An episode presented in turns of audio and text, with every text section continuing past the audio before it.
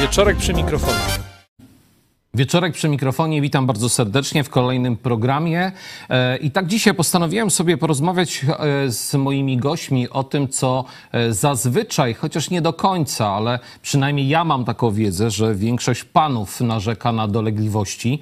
Dlatego postanowiłem zrobić program, który zatytułowałem Uchyłkowość i nadwrażliwość jelita czy to już są choroby cywilizacyjne. I zaprosiłem do studia moich bardzo szanownych gości, e, doktor medycyny Piotr Barszczewski, witam serdecznie. Cześć, witam. E, I lekarz medycyny Wojciech Chudera, witam cię Wojtku. Dzień dobry. Panowie, no właśnie jak to jest? Czy bardziej... E, kobiety czy mężczyźni, czy, czy to jednych i drugich to dotyka i co to w ogóle jest uchyłkowość jelit i z czego ona wynika. To nie wiem, Piotrek, może do ciebie zaczniemy, co? Oczywiście. Może? Z uchyłkowatością przewodu pokarmowego jest tak, że dotyczy ona zarówno mężczyzn, jak i kobiet. Niestety, tutaj nie jesteśmy w stanie, niestety lub stety, e, no dotyczy obu płci. Ale Natomiast proporcjonalnie, proporcjonalnie tak zmienia się. Jeżeli chodzi o samą e, zachorowalność na chorobę uchyłkową, bo, bo, bo o tym pewnie będziemy dzisiaj się skupiali wokół samej choroby uchyłkowej, wygląda to w ten sposób, że do 50, do 50 roku życia częściej mamy do czynienia z rozpoznawaniem choroby u mężczyzn niż u kobiet. Między 50 a 70 zaczyna się to zmieniać w tych proporcjach na e, niekorzyść i większą zachorowalność u kobiet, natomiast po 70 roku życia częściej chorują kobiety. Więc jest to zmienne w zależności e, od wieku. E, natomiast oczywiście, tak jak powiedziałem, choroby rozpoznajemy zarówno u mężczyzn, jak i u kobiet. I rozpoznajemy ją rzeczywiście coraz, coraz częściej. I rozumiem, że to jest choroba, która, bo tak jak rozmawialiśmy przed programem, kolejki do Was, do y, specjalistów, gastrologów jest dosyć długa, czyli to jest taki, taka choroba, która dotyka dużej liczby osób ostatnio chyba. Czy to w ogóle jest choroba taka, no dla dużego grona społeczeństwa, które na to narzeka? No w tym miejscu musielibyśmy powiedzieć, że nawet bardzo dłużej. Dlatego, że o ile Y, zachorowalność u osób w młodszym wieku, czyli powiedzmy do tego 50 roku życia, możemy powiedzieć, że około tak mniej więcej 25% populacji y, ma uchyłki jelita grubego, natomiast y, wkraczając w siódmą dekadę, to już jest ponad 50% osób. To oczywiście nie znaczy, że tyle procent osób ma objawy, bo objawy choroby uchyłkowej osób z uchyłkowatością dotyczą około 1 czwartej pacjentów, tak możemy przyjąć. Natomiast no, cały czas, biorąc pod uwagę ilość osób, które, które uchyłki w jelicie grubym mają, cały czas pozostaje to jednak bardzo duża e, grupa chorych, którym powinniśmy się starać pomóc. Okej, okay, dobrze. Z, mamy jakby dwa schorzenia, o których będziemy dzisiaj rozmawiać. E, Piotr powiedział o uchyłkowości. Wojtku, to ja bym chciał cię poprosić, żebyś ty nam określił, e, co to jest nadwrażliwość jelitowa, dobrze? Z czego ona też wynika, żebyśmy mogli zacząć ten temat i porozmawiać. E, więc jakbyś mógł w takich krótkich tak, słowach, może, może chyba, że się nie da w krótkich, no to to znaczy tak, no, y, występuje cała grupa y, zaburzeń czynnościowych przewodu pokarmowego. Jest to cała duża grupa chorób. Y, te choroby występują w zasadzie na każdym odcinku przewodu pokarmowego, począwszy od przełyku, kończąc na końcowym odcinku jelita grubego. Natomiast wydaje mi się, że naj, najlepiej skupić się na tym, co jest chyba najbardziej teraz nagłośnione, czyli IBS, czyli zespół jelita nadwrażliwego. E, jeśli chodzi o występowanie, mm, to tutaj sugeruje się, że nawet 11% populacji może być e, objęta tym, tą chorobą. E, Niezależnie od wieku. Mówimy o całościowej, czy też tutaj, tak jak Piotr mówił o chonkowości, że ta jakby mm, wiek ma duże znaczenie. Tutaj też wiek ma też. duże znaczenie, to znaczy dwukrotnie chorują częściej kobiety, natomiast zazwyczaj przed 50 rokiem życia. Pierwsze objawy pacjenci mogą już zgłaszać natomiast przed 35 rokiem życia. Mm, e, no i tak w dużym skrócie, na czym e, polega zespół jelita drażliwego? Mm, jest to przewlekła, to jest bardzo istotne, przewlekła choroba zarówno jelita cienkiego, jak i grubego. Przewlekła to znaczy, że pacjenci muszą te dolegliwości zgłaszać minimum e, w ciągu ostatnich 6 miesięcy. Natomiast aktywność choroby powinna być w ciągu ostatnich 3 miesięcy. To znaczy te dolegliwości, o których zaraz powiem, mhm. powinny wystąpić w ciągu ostatnich 3 miesięcy. No i jeśli chodzi o dolegliwości, to są to... Czyli rozumiem, że mówimy teraz o czynnikach ryzyka, tak? Nie, nie. nie jeszcze razie, nie, tak? Jeszcze nie, jeszcze nie. Mhm. Natomiast, tak jak mówię, dwa słowa na temat samego, samego IBS-u. Co do rozpoznania, niezwykle istotne jest to, i to jest kluczowe, że musimy wykluczyć inne przyczyny organiczne bądź biochemiczne tych dolegliwości, o których tam zaraz powiem. To znaczy pacjent musi już przebyć diagnostykę, musi zostać, muszą mu zostać wykluczone inne choroby przewodu pokarmowego i nie tylko, żeby stwierdzić, żeby móc rozpoznać ten IBS. Mhm. Natomiast co do dolegliwości, które pacjenci najczęściej zgłaszają, no to są przede wszystkim bóle brzucha. Pacjenci, jak do nas przychodzą, zazwyczaj zgłaszają bóle podbrzusza mm, oraz zmianę rytmu wypróżnień, bądź te dolegliwości mogą występować razem z tymi, y, z tymi zaburzeniami wypróżnień. Czyli do tego też dochodzi oczywiście niestrawność, rozumiem, czy też tutaj e, powiedzmy e, wzdęcia, bo, bo to też chyba są elementy, które, które występują przy tym jeśli chodzi o zespół jelita nadwrażliwego, to tutaj nie. nie tak? Natomiast tak? okay. patrząc na całą grupę chorób czynnościowych przewodu pokarmowego, to oczywiście, tak jak mówiłem, to jest bardzo dużo chorób, które mogą dotykać no, mm, i przełyk, i żołądek, i dwunastnicę, i jelita. Tak więc te objawy też mogą występować oczywiście. Wojtku, a te czynniki ryzyka, o których e, zacząłem cię pytać, mhm. powiedziałeś, że to jeszcze nie to. Możemy teraz chwilę o nich? Tak, oczywiście. To znaczy przyczyna tych dolegliwości do końca nie jest tak w 100% poznana. Sugeruje się, że y, no, największą przyczyn, naj, największy wpływ mają zaburzenia mm, pomiędzy osią mózg-jelito. To znaczy nieprawidłowe odczytywanie bodźców mm, przez mózg w związku z czym no, pacjenci mogą zgłaszać takie, a nie inne dolegliwości. Również zaburzenia e, mikroflory jelitowej w przypadku IBS-u no, mają duże znaczenie. To znaczy pacjenci po infekcjach bakteryjnych, wirusowych, po antybiotykoterapii, no ta flora bakteryjna często jest no, uszkodzona, mówiąc bardzo kolokwialnie. W związku z tym może to powodować e, no, występowanie IBS-u. Rozumiem. E, tak na zmianę będę was pytał, mhm. żeby, żeby oddech można było złapać, bo, bo wiem, że czasami kamery stresują e, i warto się napić w międzyczasie, czy wody, czy, czy chwilę złapać oddechu. Piotrze, to więc e, mm, e, do ciebie teraz, dobrze. Czym są czynnościowe choroby przewodu pokarmowego? Bo tutaj zaczęliśmy... To Wojtek zaczął Wojtek mówił, mówił tak, tak, ale to, to rozumiem, że wszystko wymienił, czy jeszcze mógłbyś coś doprecyzować? Nie, oczywiście, możemy, możemy, bo to, co Wojtek jeszcze mm, o czym zaczął mówić, ten górny odcinek przewodu pokarmowego też jest niezwykle ważny, dlatego że najczęstszym, przynajmniej z mojego doświadczenia pracy z pacjentami w poradni gastrologicznej, najczęstszym powodem zgłaszania się pacjenta po poradę gastrologiczną, jeżeli chodzi o górny odcinek przewodu pokarmowego, jest dyspepsja, coś o czym zresztą wspomniałeś, czyli ta tak, niestrawność, tak. bo w ten sposób możemy to jednym słowem zdefiniować. Natomiast przechodząc do takiej bardziej medycznej terminologii, dyspepsją określamy ból w nadbrzuszu, któremu mogą towarzyszyć inne objawy, a więc objawy przede wszystkim zespołu pełności, czyli poposiłkowa pełność, wczesna sytość, odbijania. Może być zgaga, natomiast zgaga nie może być objawem dominującym, bo wtedy mówimy o chorobie refluksowej. E, więc e, ten górny odcinek przewodu pokarmowego i dyspepsja czynnościowa jest tą jednostką, z którą chyba najczęściej, jeżeli chodzi o górny odcinek przewodu pokarmowego, się spotykamy. No i tutaj również przeprowadzamy oczywiście e, konkretną diagnostykę, dlatego że potwierdzenie rozpoznania dyspepsji czynnościowej, bo to jest najczęstsza jednostka e, chorobowa i jednostka z kręgu zaburzeń czynnościowych przewodu pokarmowego, jest rozpoznaniem, coś o czym już Wojtek wspomniał, rozpoznaniem z wykluczenia, więc musimy przejść pewną ścieżkę diagnostycz, diagnostyczną, żeby móc temu pacjentowi takie rozpoznanie e, postawić. Kierujemy się wieloma względami, natomiast tutaj kluczowym aspektem jest wiek pacjenta. Inaczej postępujemy u pacjentów w młodszym wieku, arbitralnie tutaj mamy przyjęty wiek 40, 40 jako 45 rok życia, Inaczej będziemy postępowali u ludzi w młodszym wieku, inaczej będziemy postępowali u ludzi w wieku starszym.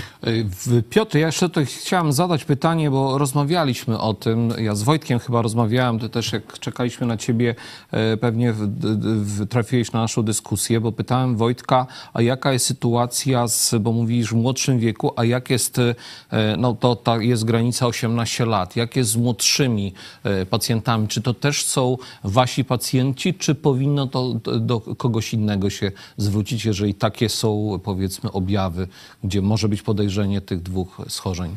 E, jest w pewien sposób podział arbitralny ze względu na wiek, bo populacja do 18 roku życia jako populacja dziecięca rzeczywiście najczęściej tymi pacjentami i, i powinni się zresztą zajmować gastrolodzy dziecięcy. Tutaj oddzielny problem dostępności do lekarzy tej specjalizacji, natomiast rzeczywiście obecnie w gastrologii zagadnienia poświęcone mm, gastrologii wieku rozwojowego czy dziecięcego są odrębną specjalizacją i najczęściej tam ci pacjenci trafiają, chociaż umówmy się, że rzeczywiście ten podział jest płynny, bo co innego będzie, jeżeli będziemy mieli do, do czynienia z tego typu objawami u osoby, która ma lat 8 czy 13, a tak też może być. Inaczej będzie, jeżeli to będą osoby po 15 y, roku życia.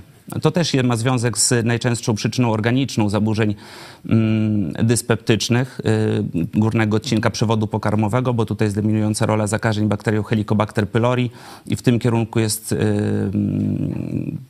w tym kierunku dążymy diagnostycznie do tego, żeby tą infekcję rozpoznawać, ewentualnie leczyć lub, yy, lub, lub wykluczać i iść dalej w tym naszym postępowaniu diagnostyczno-terapeutycznym. Jednym słowem muszę oddzielny program zrobić dotyczący tego, tych schorzeń Jasne, u, u tak, dzieciaków. Było, tak? Byłoby dobrze. dobrze. Tak, zrobimy. W takim razie, drodzy, drodzy telewidzowie, postaram się też zrobić program na temat właśnie tych y, dolegliwości u dzieci. E, Wojtku, ja bym jeszcze chciał wrócić do podłoża chorób czynnościowych, dobra? Żebyśmy jeszcze trochę o tym porozmawiali z tego względu, że mm, ja wiem, że jeżeli e, przekonamy osoby, które nas chociażby dzisiaj oglądają, że jeżeli są jakieś e, mm, przyczyny, jakieś e, bóle, no to warto jednak zwrócić się do specjalisty, a nie leczyć się domowymi sposobami, jak to czasami mężczyźni mówią, a przejdzie mi i nie będę nic robić, tak? Więc jeżeli moglibyśmy do tego jeszcze jakbyś parę zdań powiedział na, na ten temat, dobrze? Podłoże chorób mm Oczywiście. E, to już kilka słów na ten temat mówiłem, e, jeśli chodzi o, e, o podłoże tych, tych chorób. Mm, tak jak mówiłem, sama przyczyna do końca nie jest w 100% poznana, natomiast sugeruje się, że są to zaburzenia równowagi pomiędzy tą osią mózg-jelito.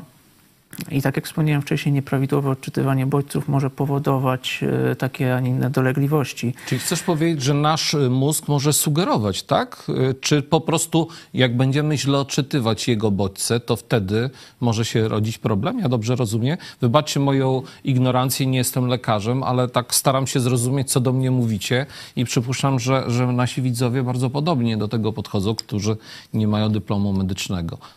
Dobrze myślę, czy nie? Poprawcie mnie. Bardzo tak, dobrze. Zdecydowanie bardzo dobrze. E, znaczy tutaj to też to, co Wojtek już wspominał, zaburzenie przekaźnictwa nerwowego pomiędzy centralnym układem nerwowym obwodowym, trzewnym układem nerwowym, e, to jest klucz do zrozumienia i poznania podłoża zaburzeń przewodu pokarmowego. Dochodzi w tej chorobie zarówno do zaburzenia na etapie odbioru bodźców e, w przewodzie pokarmowym, przesyłania do ośrodkowego układu nerwowego i sterowania centralnego i jak powinniśmy na te bodźce odpowiadać. To przekaźnictwo jest zaburzone i jest to e, podstawą rozwoju chorób. Natomiast drugim kluczowym aspektem to też coś, co, o czym Wojtek wspomniał, to jest mikrobiota jelitowa, a więc mm, drobnoustroje naszego przewodu pokarmowego. E, i prawidłowa mikrobiota jelitowa jest też tym fundamentem, od, od którego trzeba zaczynać leczenie, tak? Żebyśmy starali się dążyć do wyrównania tych zaburzeń. Dobrze, to teraz już, już myślę, że mamy to te podłoże określone, a powiedzcie mi, jakie jest postępowanie w dyspensji czynnościowej? Y, no to może ja dam kilka słów powiem. No. Y, jeśli chodzi o samą dyspepsję, to tak tylko dwa, dwa zdania. Dyspepsja są to mm, dolegliwości, które zgłaszają pacjenci. Są to zazwyczaj dolegliwości bólowe nadbrzusza w postaci bólu bądź pieczenia. E, oraz e, mogą występować takie dolegliwości e, wczesnej sytości poposiłkowej bądź takiej pełności po posiłku. W związku z czym to nie jest tak, że u każdego pacjenta, który do nas się zgłosi po raz pierwszy z takimi dolegliwościami, możemy rozpoznać tą dyspepsję czynnościową. Przede wszystkim, tak jak e, mówiłem na początku, kwestia czasu. To kryterium czasowe musi być spełnione. To jest jedna rzecz, no bo jest to choroba przewlekła, tak. Mm, druga rzecz jest to wykluczenie innych przyczyn chorobowych, tak, które mogą powodować tak, takie, a nie inne dolegliwości. Więc jakie jest postępowanie, jeżeli do nas tak, pacjent tak, taki przychodzi? Dokładnie. Najważniejsze odpowiednie zebranie wywiadu, badanie lekarskie to też jest niezwykle istotne. E, natomiast e, na pewno część pacjentów się zastanawia, czy wykonanie gastroskopii będzie konieczne. No nie jest to najprzyjemniejsze badanie. No to przyznaję, tak. W związku, Nikt się nie cieszy z tego powodu chyba. W związku z czym to badanie powinniśmy wykonać w takich okolicznościach, gdy pacjent zgłasza się do nas pierwszy z, z, takimi objawami powyżej 45 roku życia, bądź gdy występują objawy alarmowe, to znaczy inne objawy, mm, na przykład objawy krwawienia z przewodu pokarmowego, jakieś y, dość intensywne chudnięcie niezamierzone, bóle brzucha wybudzające y, w nocy, jakieś wymioty, wtedy ta, ta gastroskopia jak najbardziej y, jest, no, jest, jest wskazana. Jest wskazana. Natomiast u pozostałej, w pozostałej populacji pacjentów od razu nie musimy zaczynać od badania endoskopowego. W takim przypadku, to już Piotr o tym, y, o tym wspomniał, y, wykonujemy, diagnozujemy pacjenta w kierunku infekcji Helicobacter pylori, czyli taką, y, takiej bakterii, która może powodować dolegliwości. Są to badania nieinwazyjne, w związku z czym no, nie narażamy pacjenta na badania endoskopowe. Mm, w momencie, jeżeli mamy dodatni wynik tego, y, y, tego badania w kierunku infekcji Helicobacter pylori, możemy pacjenta leczyć, eradykować tą bakterię. Mm, jeżeli to przyniesie skutek, to znaczy mm, ustąpienie dolegliwości, prostu, tak? no to mamy w zasadzie sprawę, sprawę rozwiązaną. Jeżeli natomiast ten wynik wyjdzie ujemny, możemy wdrożyć leczenie empiryczne, czyli leczenie hamujące wydzielanie kwasów solnych w żołądku, bądź też leki prokinetyczne, które mogą troszeczkę przyspieszyć wyregulować tą perystaltykę przewodu pokarmowego. Natomiast jeżeli to nie pomaga, no to wtedy jak najbardziej y, ta diagnostyka endoskopowa jest wskazana. I, I, faktycznie niezbędna. I niezbędna, rozumiem. tak. Dobrze. Piotrze, teraz, e, e, bo zacząłeś mówić o uchyłkach, tak? E, rozmawialiśmy na początku. Powiedz mi, mm, bo ja nie wiem, może nie dosłyszałem, ale chyba nie mówiliśmy o przyczynach występowania uchyłków. Jeszcze nie mówiliśmy, no ale właśnie, oczywiście możemy o tym powiedzieć. Chciałbym, bo, bo to istotne myślę, że jest. Tutaj te tematy zresztą, które wybrałeś, one dla nas medycznie też wcale nie są takie proste, dlatego że e, podobnie jak w przypadku chorób czynnościowych przewodu pokarmowego, tak samo też w przypadku powstawania uchyłków, ta epidemiologia do końca nie jest poznana. Coś, o czym spekuluje się od dawna, to jest wpływ diety ubogoresztkowej, a więc ubogiej w, w, włókna roślinne. To jest ten klasyczny czynnik, o którym mówi się od wielu, wielu lat. Są badania, które troszeczkę to zaczynają kwestionować, natomiast y, jest to coś, co do tej pory uważaliśmy za mm, rzecz y, predysponującą do występowania uchyłków. To wzięło się z tego, że przeprowadzano badania, które dosyć jasno pokazały, że w krajach rozwiniętych, w krajach zachodnich występowanie uchyłkowatości jest znacznie częstsze niż w krajach rozwijających się, gdzie dostęp do produktów wysoce przetworzonych jest e, znacznie mniejszy i tam pacjenci, i tam ludzie rzeczywiście znacznie rzadziej e, mają, mają uchyłki. Natomiast są też czynniki pewne środowiskowe, które również mają wpływ na występowanie uchyłków. Tutaj bierze się pod uwagę rolę używek, a więc zarówno jeżeli chodzi o nadmierne spożywanie alkoholu, palenie papierosów, małą aktywność fizyczną, otyłość brzuszną, to są czynniki, duże też spożycie czerwonego mięsa. To są te czynniki, o których mówi się najczęściej w kwestii występowania uchyłków. No i druga rzecz, która jest niezwykle ostatnio badana i chyba, chyba obecnie w tym kierunku większość badań jest przeprowadzonych, znowu rola mikrobioty przewodu pokarmowego, y, zapalenia przewodu pokarmowego małego stopnia jako tego czynnika, mm, który, który wyzwala e, występowanie e, choroby uchyłkowej. Uchyłki, bo to też wa ważne, żeby może nasi widzowie wiedzieli, czym, czym te uchyłki są. Tak, to, są tak, to, to tak, są tak, przepukliny, to są drobne przepukliny przewodu pokarmowego, a więc uwypuklenia najczęściej takie workowate poza światło narządu, które w miejscu zmniejszonego oporu, tam gdzie przechodzą naczynia odżywcze w jelicie, uwypuklają się na zewnątrz, prowadząc do powstania takiego właśnie workowatego uwypuklenia, bo tym Czyli jest uchyłek. Rozumiem, że tam w te, te uchyłki, rozumiem, że tak na pro, proste myślenie, to problem jest, że w te uchyłki coś się na, nabiera, tak? Czy napełnia, czy, czy źle może, myślę? Może, może, tak, może, tak? może tak być. E, jak to w jelicie grubym, tak. tak, tak. Oczywiście tak może być. E, to, to, to, tutaj z kolei już wchodzimy w pewną e, w zagadnienia dotyczące samej objawowej choroby uchyłkowej, okay. bo to rzeczywiście sprzyja temu. Natomiast tak, mamy te, te, te przepukliny, tak, czyli te worki, które, które wystają na zewnątrz i te czynniki, o których powiedziałem, zdecydowanie przyczyniają się do, do ich występowania. Okej, okay, bo chciałem tak trochę obrazowo, żeby, żeby sobie wyobrazić, Jak że, to wygląda że jest właśnie. to jelito, jest uchyłkę, tam coś może wejść, stan zapalny i zaczynają się I tak, problemy. I tak dokładnie rzeczywiście jest. No właśnie, tak no to, to, to, już wszystko, wszystko wiemy. Dobrze, przejdźmy teraz do leczenia.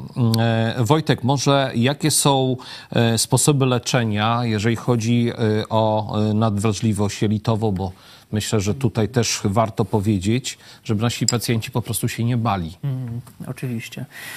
Nasi pacjenci już, przepraszam, nie mam, drodzy z telewizowej, nie mam dyplomu medycznego, czyli wasi pacjenci, a ja jako pacjent, żebym się nie bał. Powiedzmy, postawię się z drugiej strony. No jeśli chodzi o leczenie, to nie ukrywam, że często jest to wyzwanie, zarówno dla lekarza, jak i dla pacjenta. Mm, przede wszystkim bardzo istotna jest współpraca z pacjentem, to znaczy wytłumaczenie mu, na czym ta choroba polega, że mimo, że te dolegliwości mogą być dla niego uciążliwe, to nie są one na tyle poważne, nie powodują jakiegoś wyniszczenia organizmu, więc pacjent musi o tym, musi zdawać sobie z tego Żeby sprawę. po prostu nie panikował, tak? Bo często Można się tak powiedzieć, zdarza. oczywiście. No Natomiast do samych naszych zaleceń, no to przede wszystkim na początku takie wydaje się, wydaje się, że to są błahe sprawy, natomiast bardzo istotne. To znaczy odpowiednia aktywność fizyczna, to jest pierwsza rzecz. Odpowiednia dieta, modyfikacja tej diety, to znaczy sugerujemy pacjentom stosowanie diety bogatej w błonnik rozpuszczalny. Natomiast tak jak rozmawialiśmy przed Programem, przed tak. programem również możliwe, możliwe jest stosowanie tak zwanej diety low food map, to znaczy wyeliminowanie z jadłospisu pacjenta takich produktów bogatych na przykład we fruktozę, laktozę, w sacharozę, na przykład w produkty mleczne, jakieś serki, mleka, żeby pacjent chwilowo odstawił te, te produkty spożywcze. I u części pacjentów to jak najbardziej pomaga. Natomiast w przypadku braku poprawy oczywiście stosujemy leczenie farmakologiczne, to znaczy leczenie przeciwbólowe, leczenie rozkurczowe, w przypadku zespołu jelita nadwrażliwego, która ma postać takiej, z taką nasiloną biegunką, oczywiście leczenie przeciwbiegunkowe. W przypadku zaparć, leczenie zaparć. Tak jak tutaj Piotr wspomniał, kwestia probiotyków, czyli tej mikroflory jelitowej. Też sugerujemy pacjentom, żeby stosowali odpowiednie probiotyki, żeby tą florę bakteryjną po prostu odbudować. Również rola mm, takiej y, terapii, to znaczy terapii behawioralno-poznawczej, jakichś technik relaksacyjnych również może jak najbardziej y, pomóc. Bardzo się cieszę, że też wspomniałeś o tych technikach relaksacyjnych, bo cały czas gdzieś tam przygotowując się do programu czytałem, że ten stres też cały czas Tak, ma wpływ na to, oczywiście. więc to też jest bardzo ważne. E, Piotrze, teraz do ciebie. A jakie mogą być konsekwencje e, dla pacjenta e, właśnie z tego, że no, ma te, te uchyłki jelitowe? Czy, Mhm. czy, czy, czy tu możemy o tym coś powiedzieć? Bo myślę, że one są chyba znaczne, tak?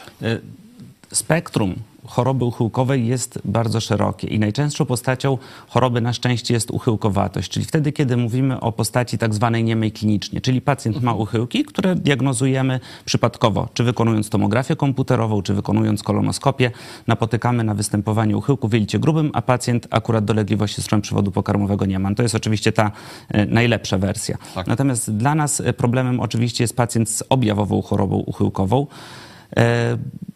Która najczęściej ma postać również przewlekłą. Więc znowu troszeczkę, tak jak w zaburzeniach czynnościowych, to są pacjenci, którzy szukają pomocy gastrologicznej ze względu na przewlekanie się pewnych dolegliwości. To, o czym mówiłeś, że czasami a przejdzie.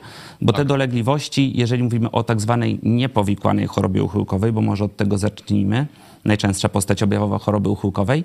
E, Wówczas pacjenci skarżą się na bóle brzucha, również na zaburzenia rytmu wypróżnień. Są nawet takie badania, które, które mówią nam o tym, że występowanie dolegliwości bólowych w lewym dolnym kwadrancie brzucha z towarzyszącą y, zmiennym rytmem wypróżnień z tendencją do biegunek 90% tych pacjentów ma chorobę uchyłkową, o której, o której rzeczywiście nie wie i nie, i nie ma o tym pojęcia. Więc na to na pewno zwracamy uwagę, czyli objawy. Dokładnie zebrany wywiad, to co mówił Wojtek, badanie kliniczne pacjenta, bo w niepowikłanej chorobie my zmian w badaniach biochemicznych nie stwierdzimy, ani w mhm. badaniach obrazowych przewodu pokarmowego, więc tutaj to badanie lekarskie, dobrze zebrany wywiad. Y, I to jest objawowa niepowikłana choroba uchyłkowa. Natomiast choroba uchyłkowa, skoro mówię o niepowikłanej, może być też powikłana i tutaj wchodzimy już w takie zagadnienia troszeczkę częściej szpitalne, bo objawowa choroba uchyłkowa najczęściej przybiera postać ostrego stanu zapalnego uchyłków. I to są najczęściej już dolegliwości, których początek jest dosyć nagły, o dużym nasileniu i pacjenci często jednak trafiają na oddział ratunkowy, bo nie czekają na tą poradę to jest raz, a poza tym nie wiedzą, co z nimi jest i są strasznie przestraszeni. No, I to trzeba przyznać. Tak, uchyłki mogą przestraszyć. Tak. Zaraz, zaraz zresztą o tym powiem, ale mam nadzieję, że uda mi się ostatecznie też uspokoić. No po to jest ten program, Piotr, i po to was zaprosiłem, żeby troszkę uspokoić naszych pacjentów i, i jakby pokazać trochę z ludzkiej strony, bo dla was to jest normalność, a dla nas pacjentów to jest przerażenie w oczach. Dokładnie. E, więc w zapaleniu uchyłków e, dolegliwości najczęściej, dolegliwościom najczęściej towarzyszy towarzyszy też albo gorączka, albo stan podgorączkowy w badaniach laboratoryjnych, które w tej sytuacji już pacjent, jeżeli ma wykonane, bo trafił gdzieś, gdzie ma możliwość wykonania tych badań, na przykład na oddział ratunkowy, wtedy stwierdzimy wzrost parametrów zapalnych mhm. CRP, leukocytozy, może być podwyższony taki marker, który nazywamy kalprotektyną w kale, z którego bardzo często też korzystamy, chociaż to akurat nie jest badanie specyficzne dla uchyłków. W każdym razie te parametry zapalne są podwyższone. I to jest y, zapalenie uchyłków. Ta najczęstsza postać, z którą my mamy do czynienia szpitalnie.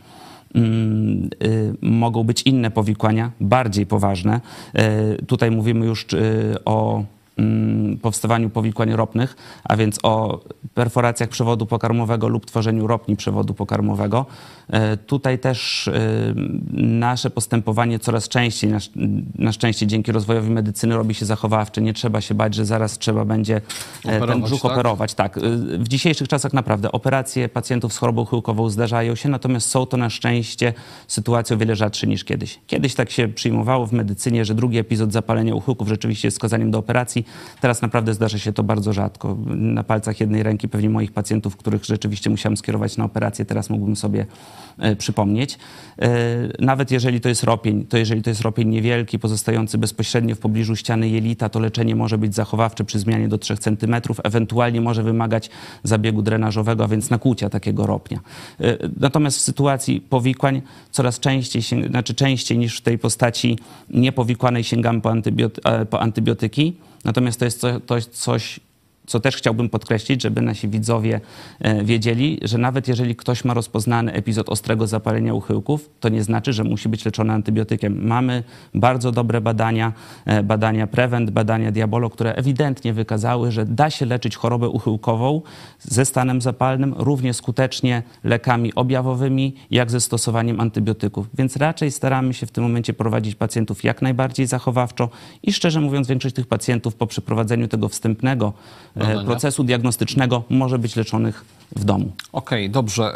E, to, to mamy uchyłkowość. Czy e, dotyczy też takie leczenie i typ leczenia domowego, bo nie zawsze szpitalnego dla, dla jelita wrażliwego, Wojtku? To tak samo jest? Czy, mm, czy... Nie, to znaczy, e, tak jak mówiłem wcześniej, kwestia ruchu, mhm. kwestia diety, przyjmowania czyli to leków. Jest tak bardzo ważne, jest... czyli połączenie, najlepiej połączenie tego wszystkiego, czyli co dieta, dieta ruch, ruch, i oczywiście no, no leki, jeżeli, jeżeli, jeżeli już taka występują. Potrzeba, tak? to oczywiście farmakoterapia, którą pacjent oczywiście przyjmuje w warunkach domowych, tak okay. jak najbardziej. No to dobrze, słuchajcie, myślę, że trochę e, złagodziliśmy ten e, temat uchyłkowości.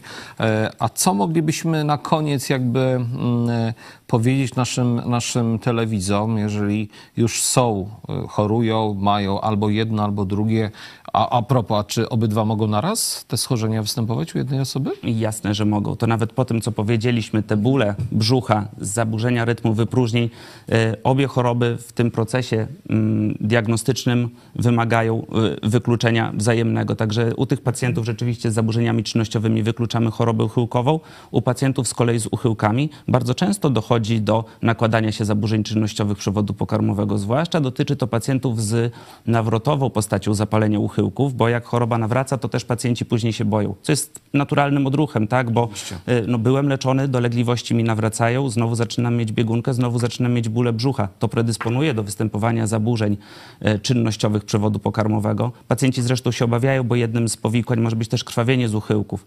Y, pacjenci na sorze to są zwykle takie dość spektakularnie wyglądające krwawienia, które na szczęście, i tu też mogę uspokoić, u 90% pacjentów zatrzymują się samoistnie i nie wymagają większych interwencji, ani endoskopowych, ani tym bardziej chirurgicznych. Natomiast y, oczywiście, oczywiście tak może być. Y, pacjenci z chorobą uchyłkową, co jeszcze do dodania ważne jest, żeby korzystać z pomocy poradni gastrologicznych, dlatego że naprawdę mamy do zaoferowania pacjentom bardzo dobre leczenie.